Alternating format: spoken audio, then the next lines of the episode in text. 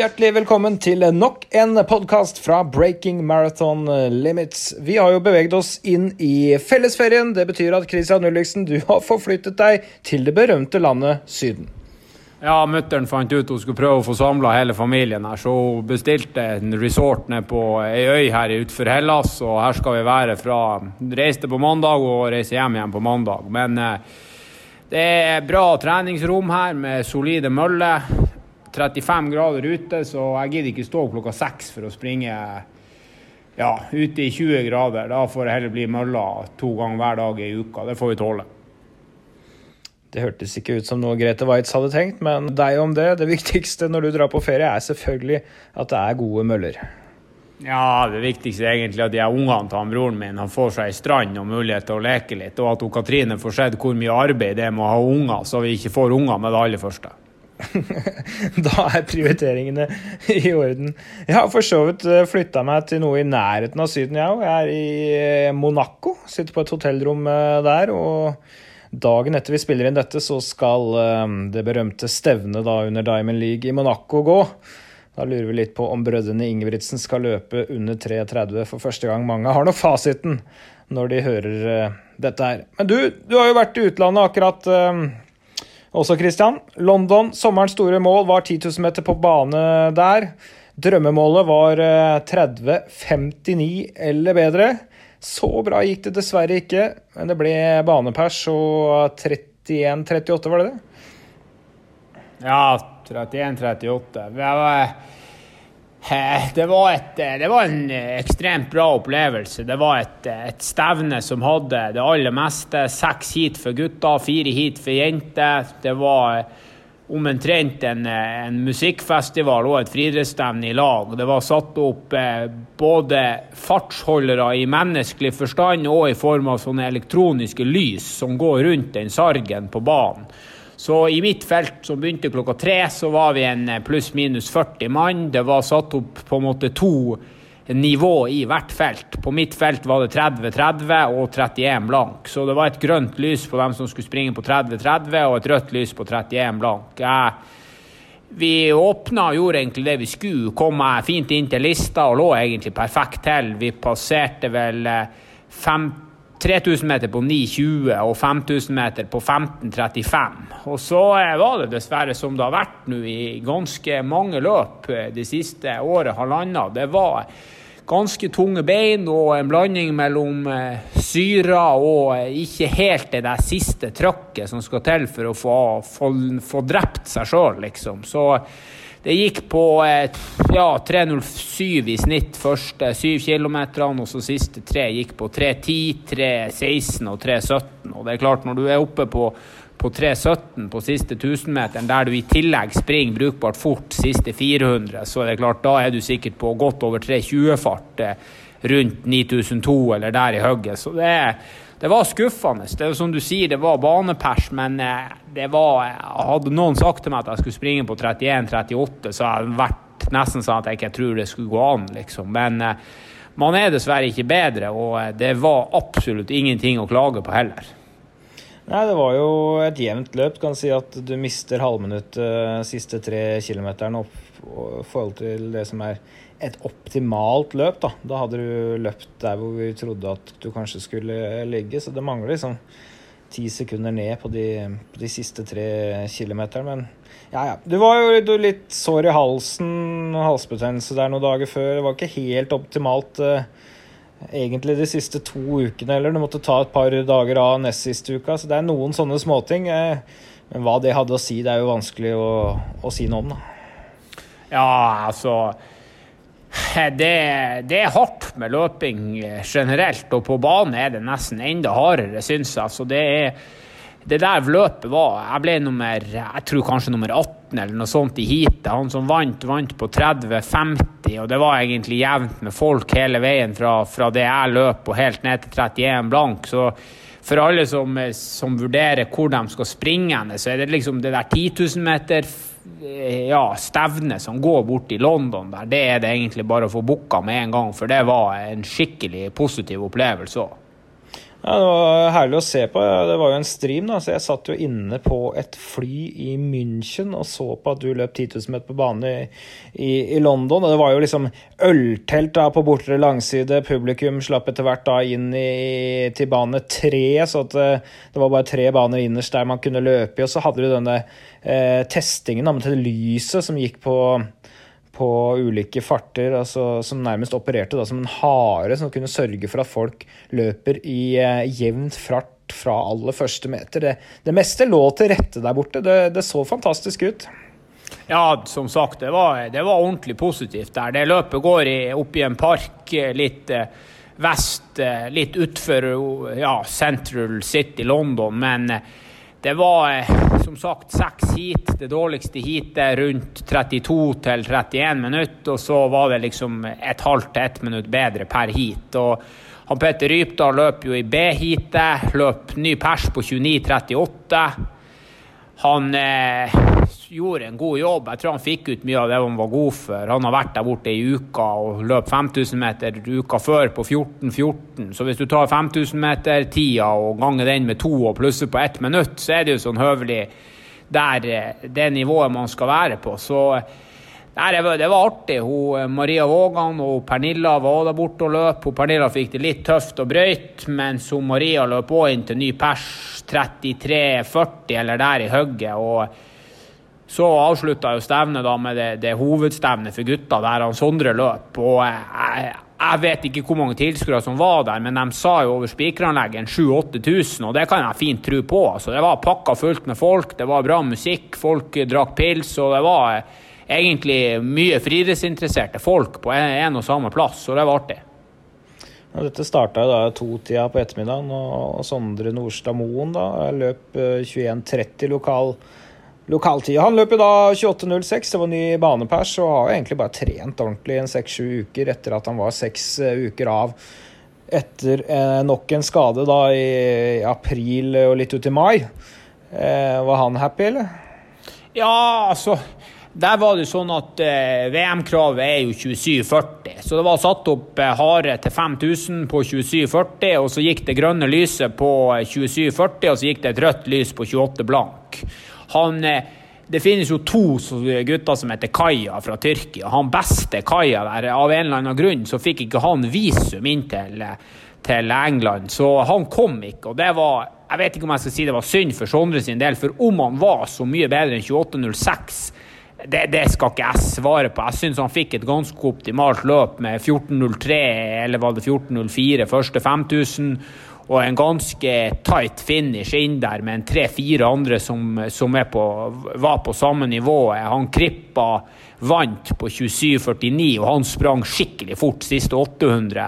Så kanskje hvis han Kaja hadde vært der og kunne gjort den der sinnssyke harejobben til jevn fart fra 5000 til mål på 27,40, kanskje han Sondre kunne vært med. Jeg er litt usikker. Etterpå så eh, jeg kjenner han Sondre ganske godt. Jeg syns det så ut som han innerst inne var fornøyd, og først og fremst jævlig glad for å være skadefri. Når det er sagt, så var det begynt å bli litt regnvær når han løp, og han løp ikke i piggsko, for han har nesten ikke fått trent i det. Han løp i, i de, den første typen av de Vaporfly-skoene. Og hvis du springer med dem på bane på 28.06, altså 2.50-fart, så, så syns jo jeg at de skoene der er litt glatt. Men eh, han om det, altså. Ja, det fungerte iallfall bra. Han han uh, satte jo da sin beste tid, fortere enn han løp på Bislett Games uh, for litt over et år siden. Så jeg syns det var lovende. Det kan bli en artig høst for Sondre Nordstadmoen hvis han klarer å holde seg skadefri. Det er selvfølgelig alfa og omega. Men til alle norske løpere da, som løper skal vi si, under 35-36 for kvinner og under 32 for menn, så, så må jo dette være et stevne man bør dra til. Ja, det er egentlig bare å få bestilt eh, flybillett eh, tidligst mulig, så det koster minst mulig penger. Så er det å få meldt seg på. For det noe bedre 10 000-arrangement, det sliter jeg egentlig med å klare å forstå hvordan du skal få det arrangert. Den parken der er ganske isolert for vind. Det er et sammensatt program med jevne løpere. Det er lagt litt penger i harer på alle nivå. De der elektroniske lysene fungerer bra. Altså det, det, det, jeg sliter med å skjønne hvorfor man skal dra en annen plass enn dit. Så eh, jeg oppfordrer alle til å ta den turen. Og opplevelsen med at det blir bedre og bedre hit, gjør jo at for folk som er friidrettsinteressert, så er det ganske kult å se de beste springe så fort som det de gjør. Så er det mulig å få seg en øl etter man har løpt. Da. Det må jo det må jo være hyggelig. Å se ja, på de aller beste i Europa. Ja. Og London er en bra by òg. Ja, det finnes flere ting å, å finne på det. Men jeg, jeg, skjønner jo at du er litt skuffa over tiden din av 31. 38, men vi skal huske på at uh, det er jo ikke selvfølge at du heller driver og jogger rundt en friidrettsbane på 31 på, på, mila. Du har jo litt av en historie, og denne episoden så skal vi snakke litt om uh, din bakgrunn som løper. Den er langt unna A4. Det er ikke noe selvfølge egentlig at du løper baneløp i det hele tatt i, i 30-årene. Du starta egentlig som fotballspiller, gjorde ikke det oppe i Tromsø der, i hine åre dager? Ja, det begynte jo der i fem-seksårsalderen i, i Nord-Norge. der. Ganske bra miljø. Kom inn tidlig i en, ja, en skoleklasse med enormt mye fotballinteresserte folk. Jeg hadde sjøl en far som har vært ganske god å spille fotball, som var trener for oss i, i de første årene der. og vi jeg vet ikke om jeg skal si at det var mulig å få oss til å holde på med noe annet, men vi gikk litt på ski på vinteren, og så spilte vi fotball på sommeren. Så etter hvert kom man på et sånn habilt nivå. Jeg trente regelmessig liksom med A-laget til TIL der fra 2001, 2, 3, 4 eller noe sånt. Ja, kanskje to Ja, de, de årene der. Eh, var, spilte på et bra juniorlag, kom til to cupfinaler som vi begge fikk juling i. Og så spilte vi Ja, vi, vi, vi, var en generasjon oppe i Tromsø som hadde ganske bra eh, miljø og bra nivå. Vi kom opp i junioralder, så fikk vi faren til en av de beste, en som heter Jonas Johansen. Han heter Trond Johansen, da, faren, og han ble senere trener for A-laget. Vi hadde han som trener i de der viktige årene fra du er en 14-15 til du blir nærmere 18. Han var kanskje ikke den råeste sånn moderne fotballtreneren i form av prepping av øvelser og sånn, men han ga et enormt engasjement, og han fikk tidlig printa inn i hodet på oss at det meste er mulig bare du har lyst nok. Så det ble trent til å være fotballspiller, trente vi bra, og vi, vi gjorde det vi kunne. Altså, drømmen var selvfølgelig å bli fotballproff, det var det liten tvil om. Ja, Det var jo noen der oppe som ble det etter hvert. Hvor nære var du å få en skal vi si, fast plass i A-stallen da etter hvert? Nei, ja, det, det var nok et støk, godt stykke unna. Det der var rett før den perioden den eh, TV 2-avtalen med Tippeligaen kom, så det var rett før det ble inflasjon i utenlandske spillere òg. Men jeg husker veldig godt eh, i 2002, tror jeg, så ja, 2002 så kom Morten Gams Pedersen til TIL. og Da var det ganske mange av oss som var 15-16 år og trodde vi var rimelig gode å spille fotball.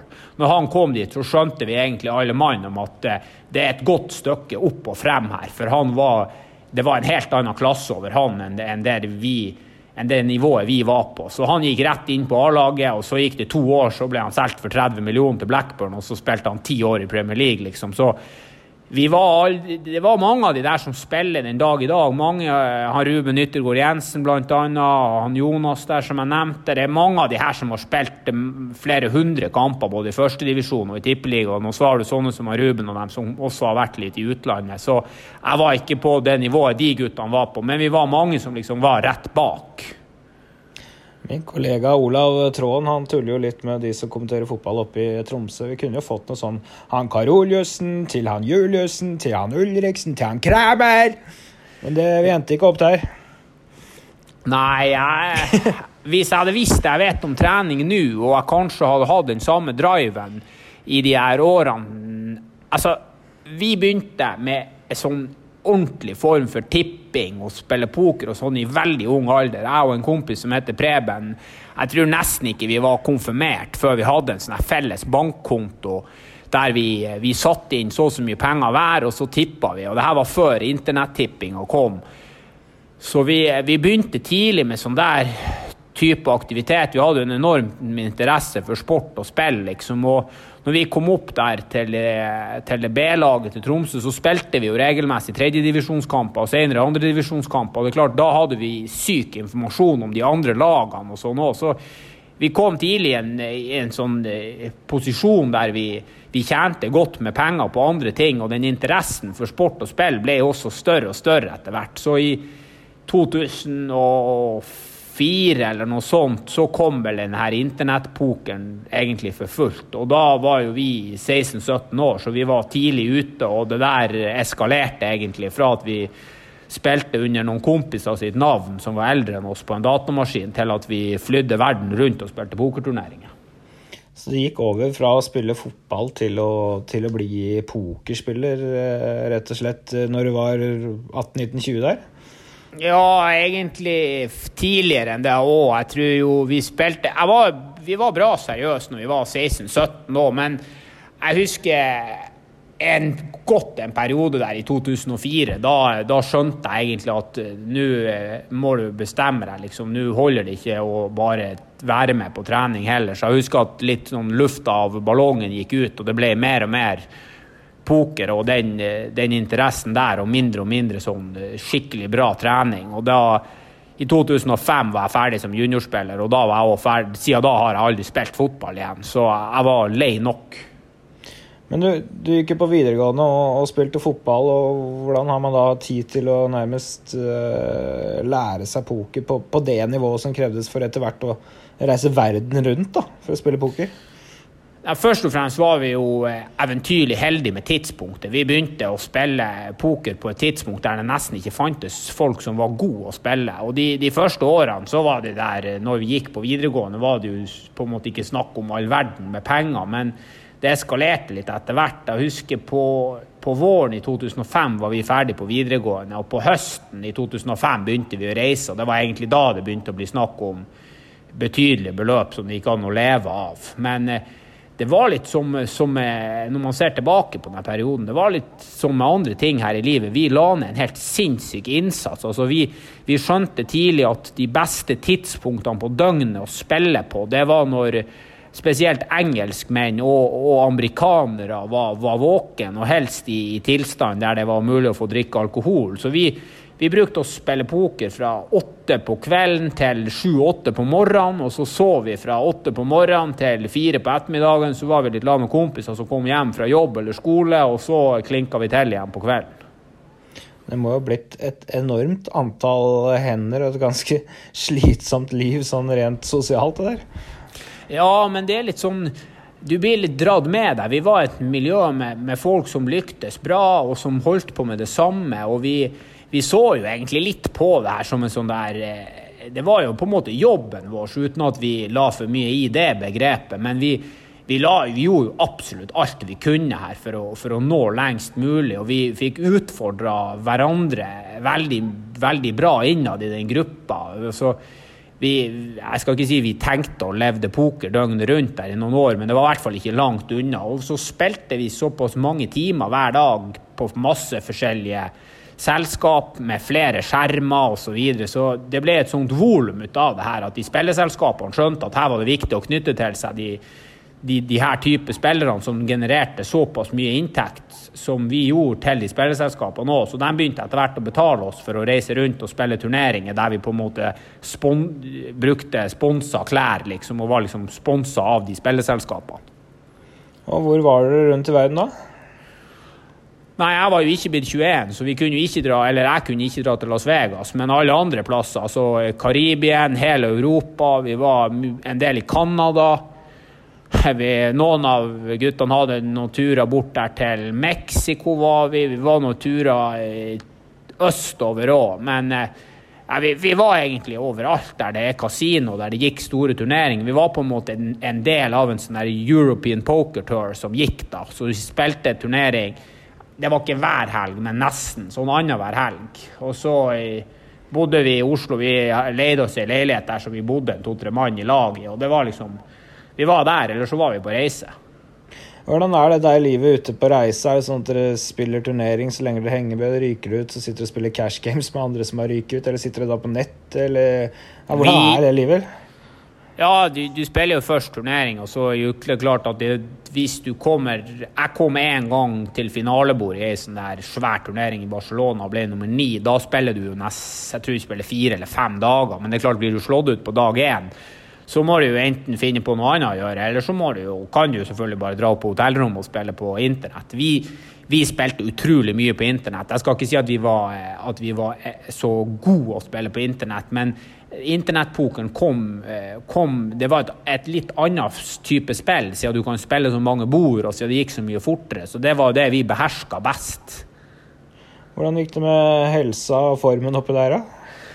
Nei, det er som du vet, at hvis du eh, spiser det du vil, og drikker det du vil hver dag i eh, tre-fire år, da ser du ut deretter òg. Så eh, jeg gikk fra å være han Gamst hadde bedre resultater i Tromsø enn jeg hadde på sånne løpetester. Så jeg var i ganske god form. Men jeg gikk altså fra å være i den der formen til å være helt sånn totalt ubrukelig. Altså Det gikk flere år der uten at jeg trente en eneste økt. Tenkte du over det, eller? Nei, nei, ikke et sekund. Altså, du ser deg jo sjøl i speilet, og du skjønner jo at når du må kjøpe hettegenser i large, at det har skjedd et eller annet. Men det fikk bare være. Ja. Men på et eller annet tidspunkt oppi all den galskapen, så finner du ut at du må begynne å bevege deg litt rad igjen. Ja, vi, vi, årene gikk jo fort her. altså Fra 2005 til 2011 så gjorde vi ingenting annet enn å reise rundt og spille poker. Så i 2009 så sprang jeg 10 km på 42 minutter. Da tror jeg jeg trente bitte litt. I 2010 sprang jeg på 46 minutter. Da trente jeg ikke så mye. Så husker jeg på høsten i 2010 så trente jeg litt styrke og litt løp av og til på mølla. Det var ofte sånn her du, du, sprang progressivt på mølla, så endte du opp med å springe så fort du kunne liksom siste minuttet, og så var det det du gjorde. Og så eh, kom du tilbake på mølla en par dager senere, og så gjorde du det samme, liksom. Så jeg husker at på høsten der i 2010 så ja, jeg, jeg, begynte ikke å trene seriøst, men jeg husker jeg sa til fatter'n at må vi må finne på et eller annet der så man kan komme seg i form. Og da er det er det som er han er faren min. Han er utrolig sånn eh, han er for det første verdens snilleste mann. Og det andre er at eh, både, han, både jeg og broren min så har han vært hele livet sånn at så lenge han kan bidra med noe penger mot at vi kan ha et veddemål der det, det det er et positivt utfall for meg eller han broren min, så ville han bestandig stille opp. Så vi kunne ha veddemål om karakterer, liksom. og der, Hvis du fikk fire, så fikk du ingen penger. Hvis du fikk fem eller seks, så fikk du liksom litt og litt mer. Og, og på idrett var det litt det samme. Så han eh, kom jo med forslag der om at jeg skulle springe maraton til sommeren i 2011. da, og da fikk jeg jo en syv-åtte måneder å trene på, og så skulle vi vedde 50 000. Men da måtte jeg vedde 50 000 jeg òg, så hvis jeg ikke sprang på under tre timer, så måtte jeg gi han de pengene. Altså 50 000 for å løpe under tre timer da i Midnight Sun Marathon. Eh, ja, sju måneder fram i tid. Og du, du har jo sagt til meg at på det verste i årene før der, så, så tror du at du skulle slite med å løpe mila under en time på det aller verste. Ja, det var, det var, en periode der vi hadde noen somre der vi var på Roskilde og litt sånn her. Jeg tror vi var sånn Jeg skal ikke si vi, vi, ikke si vi drakk så enormt mye. altså Det ble jo noe festing og noe tjor og hei, men jeg, jeg, jeg husker en, en, sommer der vi var i helt ufattelig dårlig form. Sånn der du går opp trappa, liksom, du er andpusten og seig. så om det var en time eller om det er 50 minutter, skal jeg ikke si, men jeg var i elendig form en periode der. Ja. Ja, ja. Men uh, faren din penser deg inn på maraton. 50 000. Uh, det er uh, prisen for å løpe under, og det vil koste deg det samme å ikke løpe under tre timer. Sju måneder. Hva gjør du? Nei, det skal sies òg før det veddemålet her, så jeg. Har jeg tapt et veddemål mot mutter'n en gang på en sånn her eh, eksamen på universitetet og en sånn muntlig eksamen der jeg tapte 30 000 for at jeg ikke klarte å få bedre karakter enn C. Så jeg, hadde liksom det, det, lå litt i bakhodet at hvis det ble noen nye veddemål med foreldrene mine, og de er ikke sånne som sier at nei, bare glem de pengene, altså, det, de krever inn hver krone etterpå, sånn at det skal svi skikkelig. Så når jeg vedda 50 000 med fattern, så gikk jeg liksom steinhardt til verks. Jeg husker det første jeg gjorde, var å komme meg på internett og lete etter en sånn der eh, ferdig type plan eller noe sånt. Og da fant jeg den der eh, Marius Bakken maratontrening. Han hadde jo ei hjemmeside der der det sto mye om løping. Jeg husker jeg fant en, noen artikler fra han, treneren til, til Marius, han Frank Evertsen og den gjengen der det sto en del om sånne gode begrep liksom, for hva som skulle til. Så jeg så på den trenings, eh, den der eh, tretimersplanen til Marius Bakken. Jeg husker det var én gang i uka man bare skulle være ute og gå. og Det var mye ei økt om dagen. Jeg husker også jeg tenkte at nei, det her holder jo ikke. Kan ikke trene én gang om dagen liksom, og komme noen vei. Så jeg, jeg brukte den planen der, og så heiv jeg på en haug med rolig trening i tillegg. For det leste jeg i de her artiklene til Evertsen om at rolig trening, det må du ha mest mulig av. Hvordan gikk det med, med kropp og bein når du begynte å legge på de mengdene der?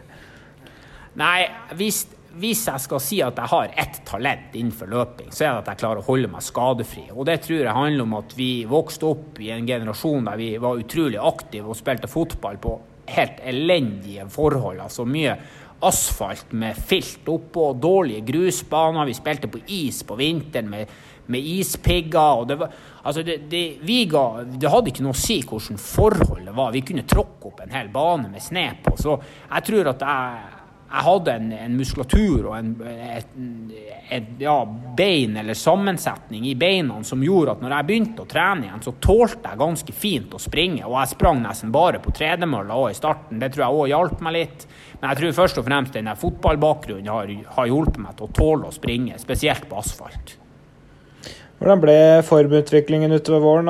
Midnight Sun Marathon det går jo i, i, juni måned, for de som ikke vet det. og Du hadde jo litt tid å trene på, men du måtte jo ha ganske steif framgang, da? Ja, jeg husker jo at jeg, jeg som sagt løp mye inne på et treningssenter i Tromsø der på ei tredemølle. Og jeg løp to intervaller i uka og en langtur. Og den langturen skulle jo i starten av programmet gå rolig hver gang ofte så, så Jeg fulgte programmet slavisk, utenom at jeg la på en, en del dobbeltøkter med annen rolig trening. og så jeg husker jo at jeg sprang mye på, på fem blankfart da òg, altså 12 km i timen. Det var selvfølgelig en del tyngre enn det det er nå, men jeg kom ganske fort fra ja, Si nå at jeg begynte på 50 minutter på mila. Jeg kom ganske fort i form til at jeg løp under 40. Og så meldte jeg meg på en sånn løpekarusell som var i Tromsø, der det, det var bra kultur for skiløpere og, ja, og, egentlig folk som holdt på litt med utholdenhetsidrett og stille opp der. Så vi sprang en sånn eh, åtte eh, kilometer tidlig i mai der jeg løp eh, sånn 3,45 i snitt eller noe sånt, på sånn litt opp og ned eh, plass. Og så vet jeg at jeg løper ei sånn Krokenmila som er kjent i Tromsø. Det er en veldig rask 10 km. Jeg vil nesten si at det er en av de beste 10 km som går i Norge. Den husker jeg sprang på, på 36 minutter. Så, og det var i, i juni, så jeg, jeg var, var, i bra form. Og jeg hadde jo lest meg opp og skjønte at skal du springe på tre timer, så må du springe på 4,16 på kilometeren. Det syns jeg virka enormt sakte. Så jeg husker jeg sa til fattern før denne maratonen at det der tre timer, det skal du bare glemme. Altså, jeg, blir, jeg springer fire blank på kilometeren, og så er målet å springe under 2,50. du ba han nesten sette over penger på forhånd, du? Ja, det var rett før jeg ga han kontonummer, og så er det bare å overføre, for det her har jeg tapt. Altså, jeg, jeg skrev, i, jeg skrev, ikke treningsdagbok, men jeg hadde jo eh, klokka, så jeg har faktisk sett eh, tilbake til det der. Jeg, jeg, ser jo etterpå at jeg trente bra løping. Jeg skjønte ganske fort hva jeg, hva jeg, skulle gjøre for å bli bedre, men jeg trente ikke mot maraton. Altså, jeg sprang eh, langtur, det gjorde jeg, men jeg ser etterpå de langturene var mellom 90, og, 90 minutter og to timer, og de var nesten, det var nesten aldri noe fart på dem heller. Så jeg gjorde jo, som jeg sa til fattern, det der er sikkert den eh, i 2011 sikkert den beste gangen Midnattssønn Maraton har hatt vær der. Jeg husker jeg stilte opp på startstreken, det var blå himmel, det var ikke et vindpust i Tromsø. Og den der løypa, hvis du får eh, null vind der, så er det Det går an å springe fort i Tromsø. Det så vi, det har vi sett, så vi i år på halvmaraton, og vi har sett det flere ganger før der folk har sprunget lav 1,06 liksom alene og satt pers der oppe. Så det går an å springe bra. Forholdene er fine. 50 000 kroner står på spill. Du, du, legger i vei, og har jo ennå ikke rukket å få egentlig skal vi si, respekt for distansen. Maraton er jo et stykke, da, og det gikk bra en stund, det der. Ja, jeg hadde jo bare løpt 10 km på, på, eh, konkurranse på det lengste. Og det var litt sånn da som det er nå òg. Man var fullstendig ødelagt når det var en sånn ti minutter igjen av konkurransen. Så jeg tenkte jo at eh, Fire blank blir å gå fint. Jeg åpna på fire blank og passerte halvveis der på 1,24. Og så er det sånn i Tromsø når du har sprunget over eh, inn til sentrum for andre gang, så springer du bort til flyplassen. Og da er du borte på flyplassen på 30 km, og da springer du på en måte tilbake inn til byen. Og da er det ja, en 10-12 km igjen. og jeg vet at jeg sprang to kilometer der mellom 30 og 32, nesten på seks blank. Og da er det nesten sånn at du, at du går. Ja, da er du opp to minutter på kilometeren. Da, da, har du begynt å få det, det må jeg ikke si. ja, det var det, men det, så, de, han, han, Preben der som jeg spilte mye poker med, og eh, en av mine beste kompiser, han var med på sykkel her. Jeg husker han eh, sekunderte meg og sa liksom sånn, han ga drikke og sånn underveis. og jeg vet jeg har kommet inn til byen, eh, og der han sier når det er én kilometer igjen, at hvis du springer under fire blank nå, så går det her akkurat. da har du skjerpa deg litt allerede, da. Du må ja. jo ha hatt eh, Det er jo bare penga, eller hva hva, motivasjonen der? Du må ha vært helt ødelagt. Ja, altså Jeg husker ikke så mye om liksom, det fysiske der, men jeg har jo sett på klokka etterpå at jeg klarte å, å komme meg etter de der to kilometerne der og fikk i meg litt drikke, tror jeg. og og avslutta siste kilometeren rett under fire blank og kom inn der i Tromsø sentrum på, på to timer, 59 minutter og 45 sekunder, liksom med armene heva over hodet. Berga med 14-15 sekunder, ja. Kald beregning.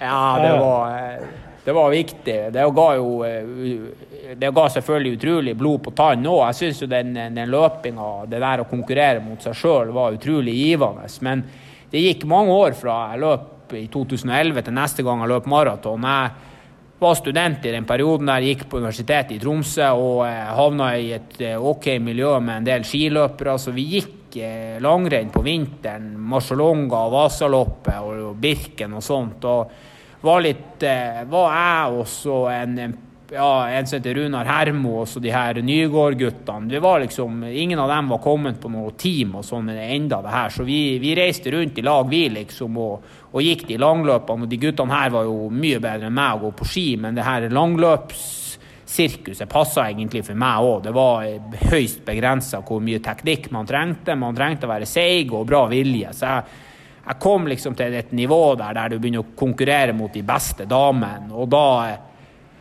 da begynte jeg egentlig å, å, få Jeg skal ikke si få nok av det langrennsgreiet, men da begynte det på en måte å stoppe opp. jeg syntes det var vanskelig å bli så mye bedre, og, og, jeg var ferdig som student, så det begynte å kreve mye mer tid enn det jeg hadde tilgjengelig òg. Så jeg tror det siste skirenn jeg gikk der, kanskje var i 2014, og så husker jeg at jeg så at du løp jeg tror du løp 2.32 på høsten der i 2014, kan det stemme? Mm, ja, 2.33 faktisk i Berlin, ja. Stemmer det. 2.33,32. Det var et av mine største øyeblikk som maratonløper. Da tok, jeg tok en god del av eh, persen min. Jeg husker jeg så på det løpet der. Jeg hadde vært i Oslo og løpt halv på 1,14 og egentlig kommet på et sånt eh, nivå på 10 km på lav 33. Jeg Mitt problem, jeg skal ikke si at bestandig har vært, men alle de der årene der var at etter langrennssesongen så, så åpna vi løpesesongen med sentrumsløpet, og så sprang jeg liksom mellom 34-30 og 34 minutter hvert eneste år, uansett hvor, hvor mye løping jeg hadde trent, og uansett hvordan langrennssesongen hadde gått. Så jeg, jeg var så lei av å, å, være så dårlig der på våren og måtte liksom rykke tilbake til start hver gang. Så på høsten i 2014 så løp jeg Oslo Maraton, løp jeg halvmaraton der på 1,14. Ganske bra løyper, husker jeg, i gamle dager der. Det var bare én bakke, den der Tøyenbakken. Jeg tror kanskje han Sondre løp det året på 62,50 der. Det var vel i 2014, ja. Det ja. stemmer det. 62,59. Ja, Men jeg satt og kommenterte det løpet. Han titta jo 100 ganger på klokka siste kilometeren og, og dukka under 63 med ett sekund. Det var jo hans comeback-sesong etter nesten to år med skade. Ja, så da kom vi surrende inn der på 1.14, og da husker jeg bestemte meg egentlig da Det her løpet går jo tidlig i september, så bestemte jeg meg for at nå må jeg klinke til. Så fikk jeg jo ikke start i Berlin, det var helt umulig siden jeg ikke hadde løpt maraton på mange år og ikke hadde løpt noe fort. Så, men jeg fikk ordna meg start i, i, Frankfurt. Jeg husker jeg reiste ned, jeg og Marte Katrine Myhre og en par andre nordmenn. og Målet mitt var jo Jeg hadde trent bra, men nok en gang så hadde jeg jo ignorert viktigheten av langturer. Så jeg dro ned dit om å ja, Jeg tror egentlig målet mitt bare var å slå deg. Ja, det var omtrent eh, på nivå med meg. Jeg løp vel ca. 1,14 på halvmaraton på den tida. Ja, så passerte første halv på 1,16. Var som, som, jeg, som jeg er nå, som jeg var da. Så jeg var god til å springe jevnt. Jeg gjorde det jeg skulle. men nok en gang kom til 30 km her og skulle omtrent ikke kommet meg til mål. Jeg sprang på to timer og 40 minutter og noen små sekunder, og Marte gjorde det samme.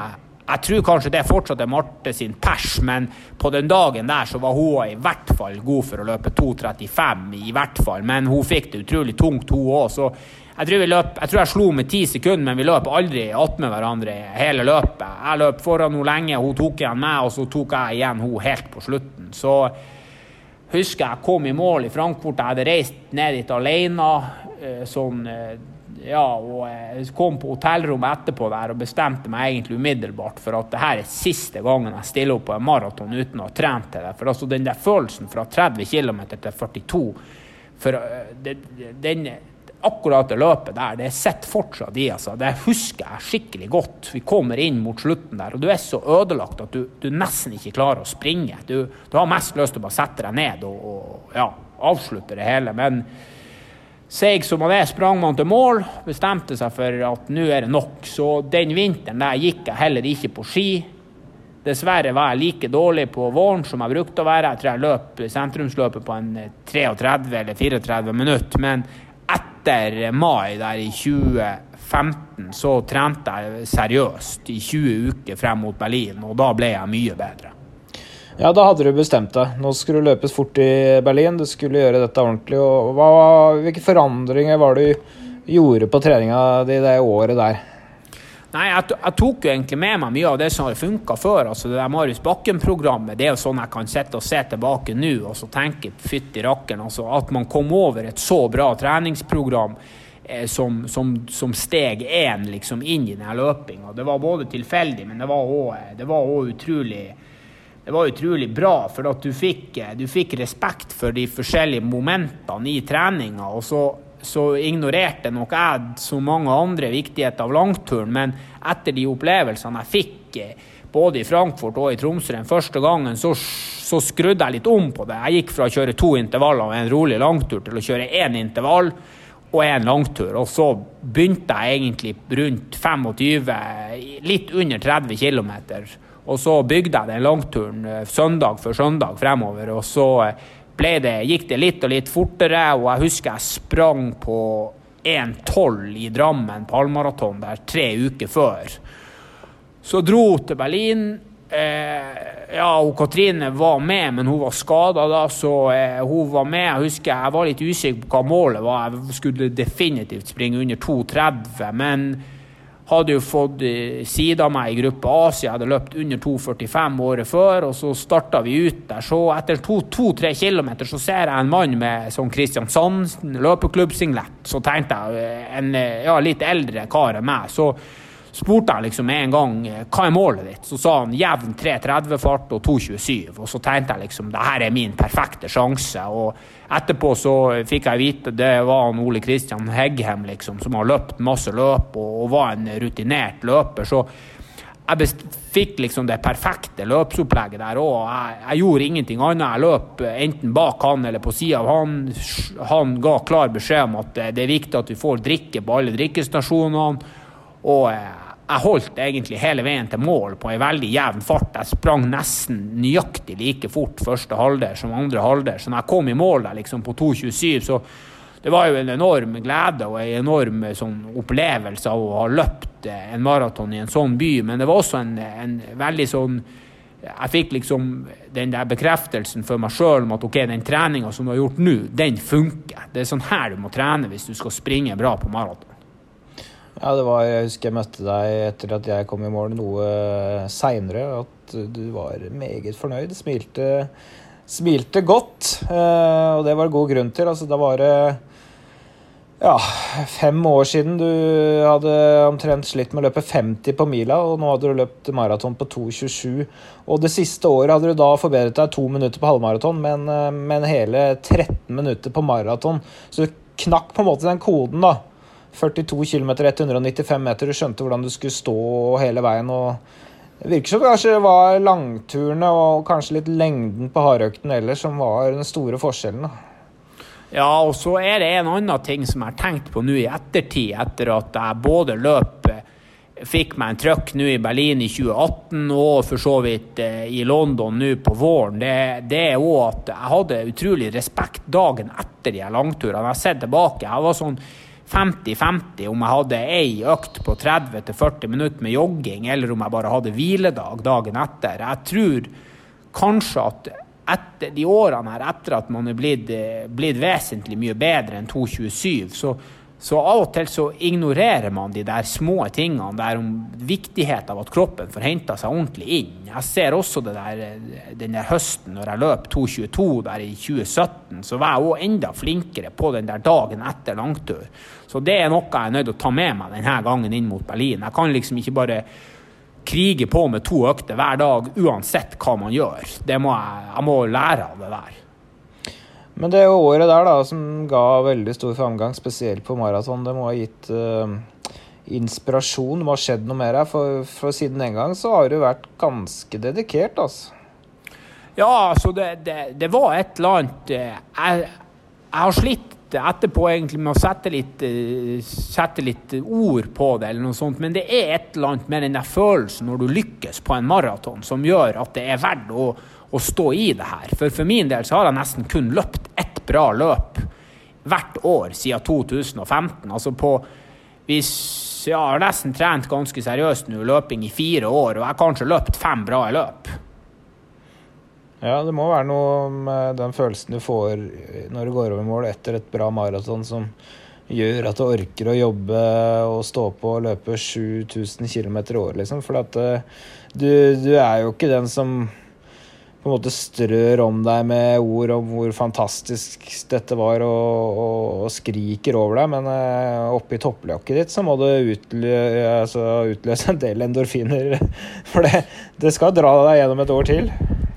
Ja, og det er ganske altså, Jeg vet ikke helt hvordan man skal beskrive det, men spesielt det løpe i 2017, der jeg løp på 2.22,45, så Nei, 2.22,30 tror jeg kanskje. Jeg husker ikke nøyaktig. Men Riktig, ja. jeg, jeg, husker jeg kom i mål der, og jeg visste jo at jeg hadde gjort alt jeg kunne liksom de siste 10-12 ukene. Men samtidig, så tolv uker før jeg løp 2.22, så løp jeg 1.12 på halvmaraton i Tromsø. Jeg slo en som heter Daniel Strand, en skiløper, liksom i spurten inn i byen der. Jeg lå på asfalten ja, lenge, lenge etterpå hadde fått tatt ut 100 av det jeg var god for. Og så går det liksom tolv uker fra, fra, du er i form til å springe 1,12 til du kan springe på 2,22. Så. Det verste var at du var sjuk etter det løpet. Du var nede i Italia og skulle være på treningsleir og trente ikke på mange dager. Og skulle kjøre en 1000-meterøkt der ute i oppholdet nede i Via Reggio, hvis jeg ikke husker feil. Og det var jo knapt du flytta deg. Så jeg var som ja, det, det, det, du gjorde de siste ni-ti ukene det året der, det var nesten magisk altså, for å gå til 2,22. Det jeg hadde, ikke satt, eh, jeg hadde ikke satt 50 000 kroner på det, i hvert fall, i juli. Nei, jeg, jeg har jo skrevet Jeg skal, har ikke skrevet dagbok, men vi har jo alle mann, både Garmin og alle mulige, Strava og alt mulig, så det å gå tilbake og se på hva du har gjort på trening, det er jo ingen problem. Og det er jo en av de, de litt artige og motiverende tingene med å ha alle de gadgetene, er jo at du kan se hva du har gjort. Men når jeg kom i mål i 2017 altså, og hadde løpt på 2.22,30 Det året der var det nesten ingen nordmenn som sprang heller. Jeg husker jeg hadde beste tida i Norge helt frem til han Sondre sprang på 2.05 der. Det sier kanskje litt også om hvor få eh, som gidder springe maraton, eller som gidder gjøre en ordentlig treningsjobb av dem som er virkelig gode. Men jeg husker jo jeg tenkte, tenkte jo flere måneder etter det løpet der at hvis jeg kan springe på 2.22,30 med, med, egentlig bare med ni-ti uker god, skikkelig god trening, så må det jo være mulig å springe godt under 2,20 her i løpet av kort tid. Men nå sitter vi jo liksom her 700 dager senere, og persen er fortsatt, alle mine perser er fortsatt fra den høsten der. Jeg er ikke, jeg er ikke klart å bli bedre på, på noen distanser. så så, eh, ja, Det er to mye... måter å se på det på en måte det som skjedde i 2017. For det var jo fantastisk løp, og ut fra der du var, så var det en overprestasjon. Jeg hadde kanskje tippa to minutter dårligere tid. Og så, og så ender du litt i den situasjonen etterpå at på en måte alt måles opp mot 2.22, da. Alt måles opp mot den farten på trening hvor, hvor alt fungerte, alt var på G, og ting fløyt lett, liksom. Så det ble litt sånn Kanskje har stanga huet i veggen noen ganger? Ja, jeg er jo definitivt en person som periodevis både trener for mye og trener for hardt. Nå har jeg jo prøvd å justere på det, og jeg føler jo sjøl at det går lettere på trening på ei fart som jeg har slitt på tidligere, men jeg sliter med å få de, de, der, de der gjennombruddsresultatene. Nå er det jo ikke sånn at jeg har tenkt å legge opp, for jeg trives godt med det jeg gjør, og jeg har motivasjon nok til å holde på. Og jeg vet at jeg blir å springe under 2,20, det er bare snakk om tid. Men det er en par ting der fra den der høsten i 2017 som jeg skal ta med meg nå. Det ene er den der dagen etter langturen. Og det andre er en ting som, som du og jeg har prata mye om etterpå, og som jeg prata med han Sondre med om nå når vi var i London. Det er de der nye Vaporfly-skoene. For hele den sommeren der, fra den halvmaratonet og de der tre månedene stort sett som er etterpå, så løper jeg alle langturene i Adidas Boston eller Adidas Adios-sko. Jeg skal ikke si at det er forskjellen på om jeg springer 2,24 og 2,22, men de skoene til Nike som gjør at du herder beina, og som gjør at beina får mindre slamring mot asfalten, og at muskulaturen er mye bedre, mye lengre. Det at vi bruker de skoene så mye på trening, tror jeg gjør at vi, vi gjør oss sjøl en bjørnetjeneste. Vi blir ikke så herda i beina som det vi trenger å bli. Så jeg har eh, i inngangen til denne maratonperioden her, som begynner om noen uker, så har jeg handla inn et par nye Boston-sko og et par Adios-sko, og de skal brukes på langtur.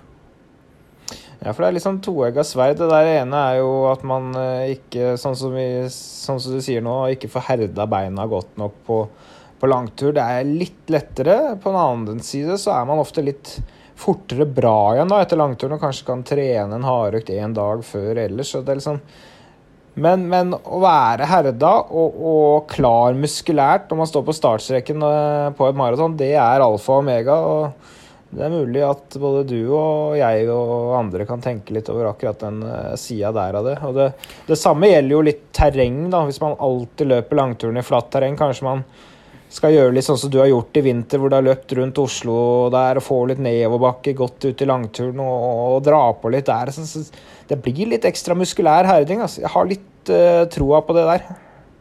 Ja, jeg har trua på det sjøl òg. Og jeg vet han Sondre han Nå er jo han på en helt avsindig nivå. Han hadde kanskje sprunget 2,07 i tøfler, men til og med han springer sjelden og aldri i de Vaporfly-skoene. Nå er jo han en person som tenker over alt mulig, men han mener at de der Vaporfly-skoene gjør oss sjøl en bjørnetjeneste. fordi at du ender opp Han syns du får et steg også som gjør at du du, du, verner på en måte litt om kroppen din med de skoene. Er, altså, de skoene, Jeg skal ikke si at de har trampolineeffekt, for det har de jo ikke, men det er jo et eller annet i de skoene som gjør at du får en annen bounce i steget. Ja, det er et eller annet som gjør det, spesielt når de er nye og, og freshe. Men uh, ja, jeg tror jo at de skoa hjelper mer jo Jeg skal ikke si jo dårligere man er, men hvis man er en internasjonal toppløper da, som løper ganske godt framme på foten, er, er lett eh, og har et ekstremt godt løpssteg, så, så, tror jeg ikke de har så mye å si som det har for eh, mosjonister eh, som veier litt mer, som løper litt mer midt på foten. Jeg tror vi har mer utbytte av det enn de virkelig toppløperne. Men det er, ja, det, det er jeg også enig med deg i. Men det er klart at maraton er en helsikes distanse. Det er 42 km for alle mann. Og skal du springe det beste løpet du har gjort i ditt liv, så må du òg ha dagen. Jeg klarte jo å stille opp i Berlin tre år på rad og få ut 100, og ikke, om ikke 105% av det jeg var god for. Det er jo heller ingen selvfølge. I 2017 der så var det jeg skal ikke si at det var perfekt vær for meg, for det var bra vær for alle. Men det var litt regnvær, det var litt kaldere enn vanlig. Jeg sprang la med Ola Sakshaug i sånn 30 par og 30 km. Vi bytta på å dra. Vi tok drikkeflasken til han Wilson Kipsang, for han hadde dobbelt sett med drikkeflaske. Så vi tok den flaska hans som sto igjen. Altså, det, det, var en par ting underveis der som var helt, helt perfekt. Og når han Ola òg slapp senere Jeg vet jo at fra 30 til 40 km springer jeg liksom de forteste tidene jeg gjør hele løpet. Så det var, det var mye som gikk veien på ett og samme løp der. Ja, du hadde jo tre sånne løp, egentlig. Både 2.27-løpet i 15, og så 2.25 i 2016 og 2.22 i 2017 som, som var eh, på grensa til å overprestere da, overfor det fysiske nivået det var. Og du, du løper jo tider på maraton som du egentlig ikke skulle klare hvis man ser på de tidene du klarte på ti og halv. Så der, der traff du ekstremt godt. Så det må være noe der eh, som kan være verdt å se på nå.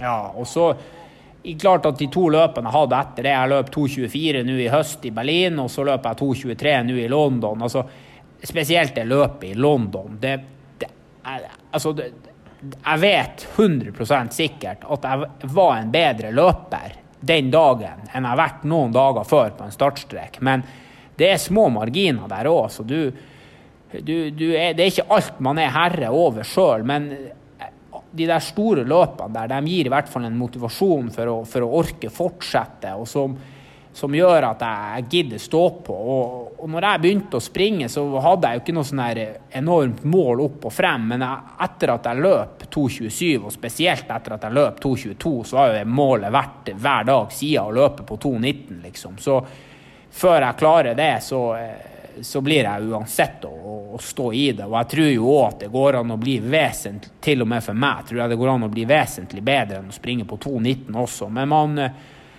man er avhengig av å gjøre ting riktig, og så må man holde seg skadefri. Og det siste der er også noe jeg har vært flink til.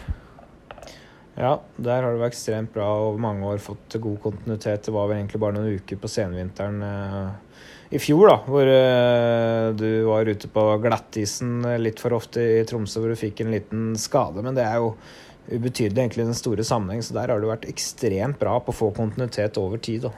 Du blir ikke lei da, å drive og herje sånn for å løpe sånn i verdensmålestokk eh, middelmådig maraton? Ja, det er ikke bare verdensmålestokk. Man er jo jevnt over på sånn pluss-minus skikkelig mosjonistnivå. Altså når når du, er borte og springer de store løpene, så, så, får du jo en enorm respekt for hvor god folk faktisk er. Altså det, jeg vet jo at jeg aldri blir å bli ordentlig god å springe, uansett hva jeg gjør. Altså hadde jeg sagt opp jobben og, og og bare sagt til han Sondre at eh, bare du eh, styr med ditt, jeg blir med på det du skal gjøre uansett de neste ti årene, så tror ikke jeg at jeg hadde kunnet sprunget så mye fortere enn eh, 2,15 kanskje, uansett hva jeg hadde gjort. Og det er klart, da er du fortsatt på et nivå som er langt unna dem som er gode. Så motivasjonen ligger mye mer i det at man trives med det man holder på med, og den der gleden av å, å på en måte slåss mot seg sjøl, og mestringsfølelse med å kunne bli bedre. Og så er det noen aspekt med løping som jeg liker utrolig godt. Det er veldig enkelt, det krever ingen teknikk.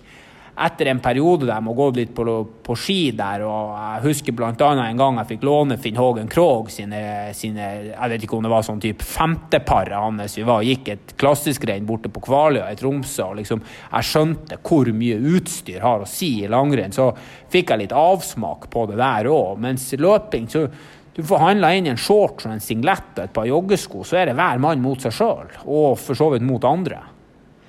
Det er jo litt det der jeg vil egentlig inn på, da, når jeg nærmest mobba deg her for å løpe middelmådig maraton. Men det er liksom det er jo noen andre drivkrefter enn at du skal bli verdensmester. eller at du skal, så å si. Det er en kamp mot deg sjæl, og så må det være eh, noen av de følelsene som kommer når man går i mål etter vellykka løp da, som, som, driver deg videre. Du, du, skal jo gå på jobb og du skal løpe 7000-8000 km i året. Det er jo ikke bare bare.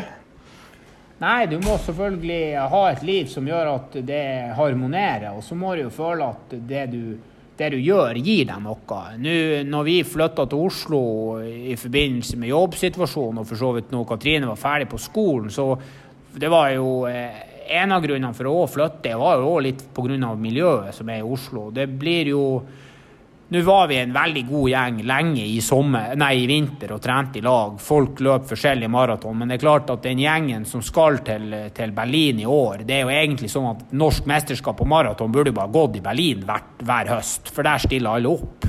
Så det er klart, da får man vært jeg skal ikke si for hvert 20-30 mann, men vi vil i hvert fall være sånn 10-15 stykker på alt av langturer. For det om det er litt forskjellig nivå på folk, så du får bygd et miljø som gjør at, eh, at denne løpinga ikke bare blir sånn deg mot klokka.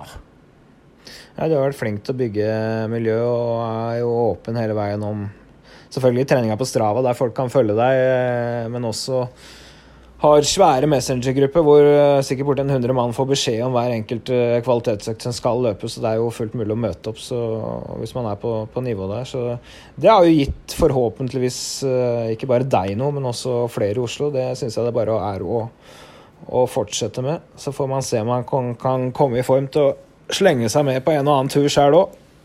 Jo, jo, men det er klart at de, de øktene der, det er spesielt nå frem mot Berlin, altså folk må ikke være redd for å stille opp. altså hun Katrine og dem blir å springe, la oss si hun er på et nivå rundt 2,45. Det er masse, altså det er egentlig folk fra tre timer og helt ned til Andreas Sjurseth sitt nivå, som kanskje er den beste der, på 2,17, liksom. Så det er trening for alle. Det viktigste er egentlig bare å komme seg på trening. Ja. Og Det er også oppretta en Facebook-side nå med trening mot Berlin, så får vi se om det, det kommer litt innhold der etter hvert. Og så skal vi fortsette å, å følge det her, selvfølgelig. Men uh, vi må si at uh, reisen fra wannabe fotballproff uh, via pokerproff til meget god maratonløper, iallfall i supermosjonistklassen, den har vært litt interessant å høre om.